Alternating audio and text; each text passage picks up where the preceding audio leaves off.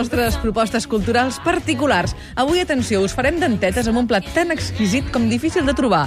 Les garoines. La Pepa Ferrer diu que les va provar fa alguns anys i que va estar més d'una setmana somiant amb elles. Pepa, quin és el gust que tenen? Sí. Si te'l dic com el vaig provar, Què? a la platja, fent el tonto, pujant a sobre d'unes roques i em vaig trepitjar una. Au! Una setmana amb allò dins del dit, o sigui que... Aquesta va ser la teva primera experiència amb una garoina. Un gust... Garoina és garota, és erissó? Eh, sí, al meu poble, eriçons de mar. No, erissons de mar. Sí, sí, Sí. no, aquí també en podrem dir-ne erissons i garotes, exacte. Doncs això, parlem de la ruta de les garoines.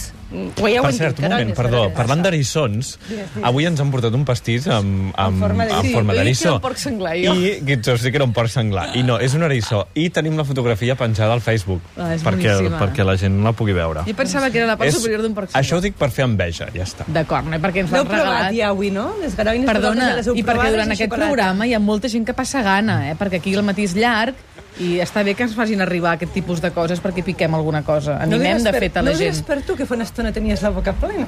En fi. En fi. Aviam, la ruta de No les no garoines. dic Què? res més.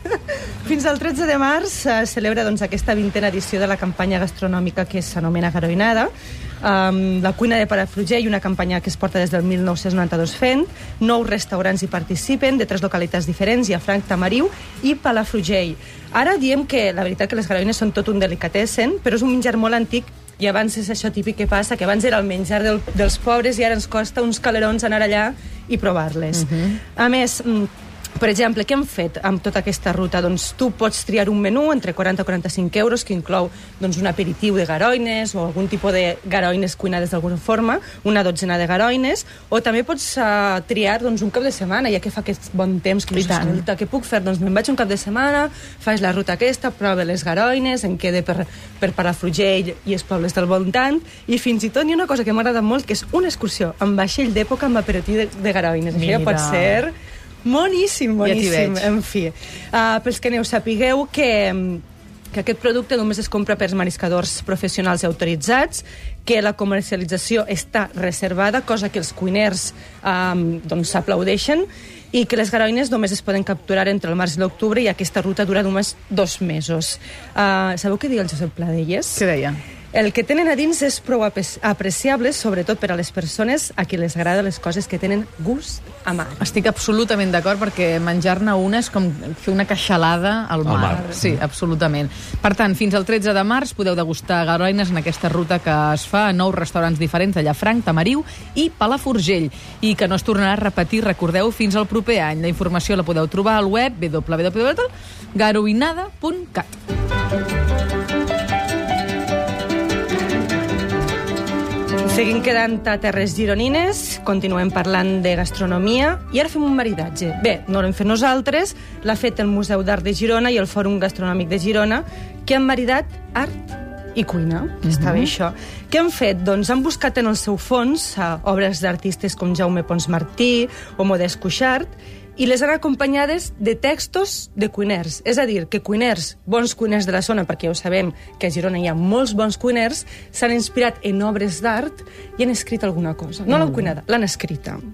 És una cosa que jo llegia eh, sobre la presentació d'aquesta exposició i tots els cuiners estaven doncs, encantats d'haver fet això, d'haver-se inspirat amb l'art, d'entrar a un museu. Jo recordo que quan fa uns anys el, el Ferran Adrià el van convidar a la documenta de Kassel uh -huh. i va començar aquell debat sobre la cuina, si era art o no era art, Llavors els cuiners es van, els van posicionar i van dir sí, nosaltres som cultura i som art. Doncs mira, ara entren en aquest museu. Uh, cuiners, uh, Josep Sabrià, també hi haurà el Joan Roca, vull dir, molts cuiners, fins a 10 cuiners que han participat en aquesta exposició que podreu veure de, del 20 al 23 de febrer i que coincideix també amb el Fòrum Gastronòmic de Girona d'aquest any. Molt bé, doncs ja ho tenim del 20 al 28 de, De febrer. De l'1 al 28 de febrer al Museu de Girona d'Art de Girona podreu degustar l'exposició Art i Gastronomia.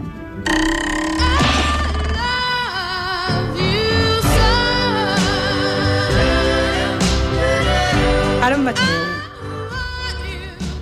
Ara em matareu molt. Per què? Perquè sí. Perquè és una cosa d'aquestes Si no ho hem fet que ja, no sé Pepa. si proposaria. Ja sé, estàs a punt de sortir de l'armari.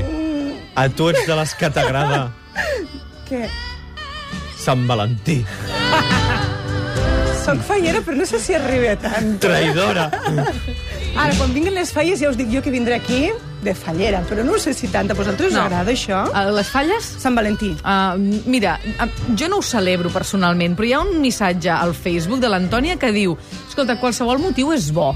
Oi, I, és veritat, això és i, veritat. I, per tant, si la qüestió és celebrar, en aquests temps que tothom s'està queixant de tot, celebrem coses, Doncs és igual. escolteu, vaig veure aquesta proposta i vaig pensar, això ho he de dir, jo que sóc molt exhibicionista, això ho he de proposar. A veure. Vine a dir-li el que sents en públic i que es posi vermell. Oh. Això és el títol de la proposta. I és que al centre comercial Barcelona Glòries, a la zona blava davant del Foot Locker, s'ha instal·lat un lloc perquè tots pugueu deixar el vostre missatge d'amor. Aneu pensant què li diríeu al Que vostre estimat. Doncs aneu allà i, i el dia 14 a les 7 de la vesprada tots els missatges que s'hagin recollit es passaran amb una foto vostra en una gran pantalla gegant, llavors podeu anar allà amb la vostra parella dir, mira, mira, carinyo, quin missatge t'ha Això són deixat. els missatges que es passaven abans pel Camp Nou. Mentre hi havia partit, la gent podia enviar missatges i s'havia de de demanar mans per casar-se, declaracions d'amor, ruptures... Hi havia de tot allà en el mercat Home, el millor d'això és que m'imagino que entre la gent que, que participa doncs es, es sortegen, m'imagino, no ho sé, es sortegen 200 euros, que això també està bé, a banda de que Doncs deixes sí. un missatge d'amor, si et donen 200 euros i el pots convidar a sopar, mira, escolta. Doncs ja ho sabeu, eh? si sou dels que us agrada celebrar Sant Valentí, teniu un missatge d'amor, correu al comercial Barcelona Glòries, a la zona blava, de davant del Foot Locker, llanceu-lo allà. I ara, doncs, jo no sé si els vostres companys o no són un monument. I tant. Però per si ho són, doncs una exposició que parla precisament d'això, de monuments. Anem fins al Caixa Fòrum i ara imagineu una cosa. Imagineu-se que esteu caminant per un carrer de Moscou. Molt bé. Però fa gairebé 100 anys, eh? Val. Llavors allà trobem edificis visionaris. Un sembla una muntanya russa. L'altre és com un cilindre ple de finestres. Un sembla una versió reduïda del Pentàgon. Però no, no és el Pentàgon, és la Casa dels Treballadors. Això sí, tots semblen com si foren naus del futur. Són edificis molt visionaris. Pareu atenció, guardeu a la retina perquè aviat desapareixen.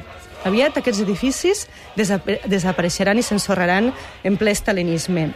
Doncs això, aquest exercici, si el voleu fer, que hem fet aquí ara una mica, hem fet una mica d'imaginació, fins al 17 d'abril podeu anar al Caixa Fòrum de Barcelona i allà l'arquitectura i l'art s'exposa amb una exposició que s'anomena Construir la revolució, art i arquitectura Rússia 1915-1935 i aborda un dels períodes on l'arquitectura russa mm, doncs això va ser més fructífera i a més a més va fer edificis i obres més arriscades, més avantguardistes. Què ha passat amb elles?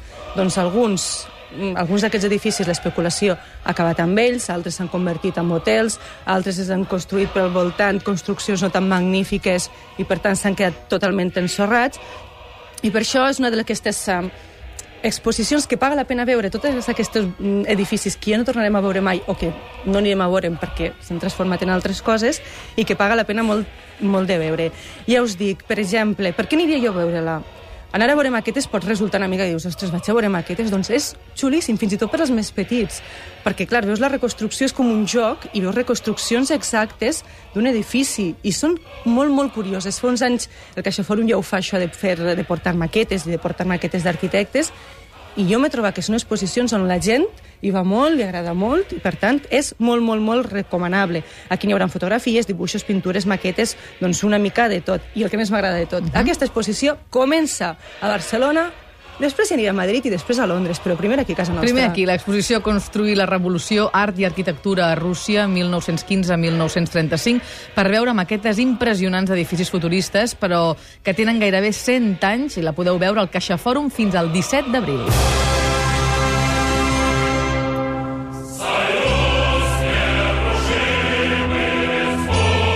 Ja sabeu que a mi sempre m'agrada portar alguna cosa d'allò. I per saber més, què és el que podríeu fer? Uh -huh. Doncs uh, aquesta exposició a mi m'ha inspirat un llibre, un llibre que vaig llegir perquè té un parell d'anys i que em va agradar tant que avui us el recomano. Es diu L'arquitectura del poder, és de Diane Suchik, i és un llibre preciós. Aquest senyor és el director del Museu del Disseny de Londres i és periodista, tot i que ell volia ser arquitecte, va estudiar la carrera d'arquitectura, no va acabar ser arquitecte, però acaba dedicant-se a moltes coses de l'arquitectura. Va fer aquest llibre per parlar com a través uh, dels arquitectes molts, um, poderosos han volgut deixar empremta. No? Mhm. Parlem de règims, per exemple, com el nazisme, parlem, per exemple, com aquesta època no? de, de Rússia, de l'estalinisme, i el millor que té el llibre és que ho explica també, narra també, que tens la sensació d'estar dins d'aquelles construccions. Te les explica d'una manera tan detallada que és un dels millors llibres que he llegit, perquè a més a més el repassa, es fa història,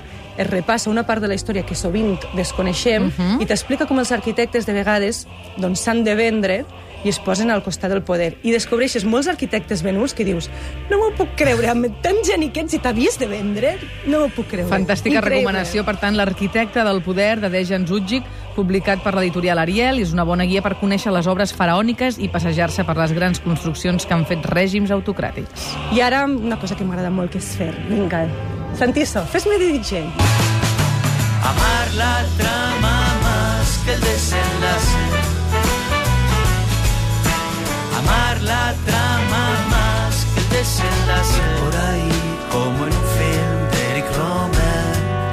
Sin Qui torna, qui torna després de 3 anys i el trobam a faltar, senyor Jorge Dresler. Es trobava a faltar una mica, Sí, sí, aquest sí. sí. senyor, oi? Estem tots d'acord. Sí, més és que és músics que t'arriben. David Balaguer li agrada Jorge Drexler? Molt, diu que molt. molt. Vinga, David, moltes gràcies perquè sembla que tu i jo tenim gustos similars musicals, oi que sí, diu David? sí. M'agrada, m'agrada. Doncs torna, després de tres anys. Ens portem bé, Santiso, serà possible? No, si Amar- Santiso. Amar la trama s'anomena el seu nou treball. El concert de presentació d'aquest nou treball s'emmarca dins d'un homenatge que es fa al Barnassans al poeta uruguaià Mario Benedetti. Per tant, dins d'aquest homenatge, el Jorge Dressler presentarà el seu nou treball Amar la trama. Recordem les dades. Divendres 11 de febrer a les 9 del vespre al Teatre Joventut a l'Hospitalet de Llobregat i dissabte 5 de març a les 10 de la nit a l'Atrium Viladecans, Jorge Drexler en concert.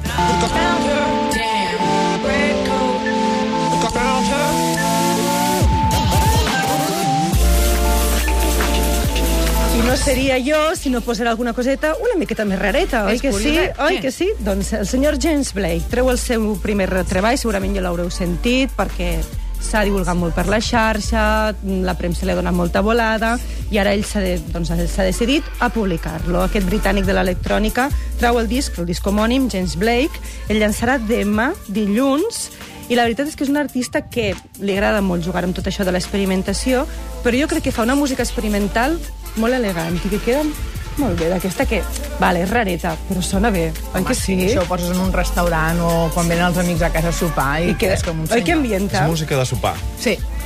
No, Música de sopar sopar. d'aquest lloc, lloc modernet, eh, per això. I escriurem, senyor James Blake, vostè fa música de sopar. Música de sopar. Doncs si voleu experimentar nous horitzons musicals, demà surt a la venda aquest primer treball de James Blake, un treball que no té pèrdua perquè porta el seu nom, James Blake.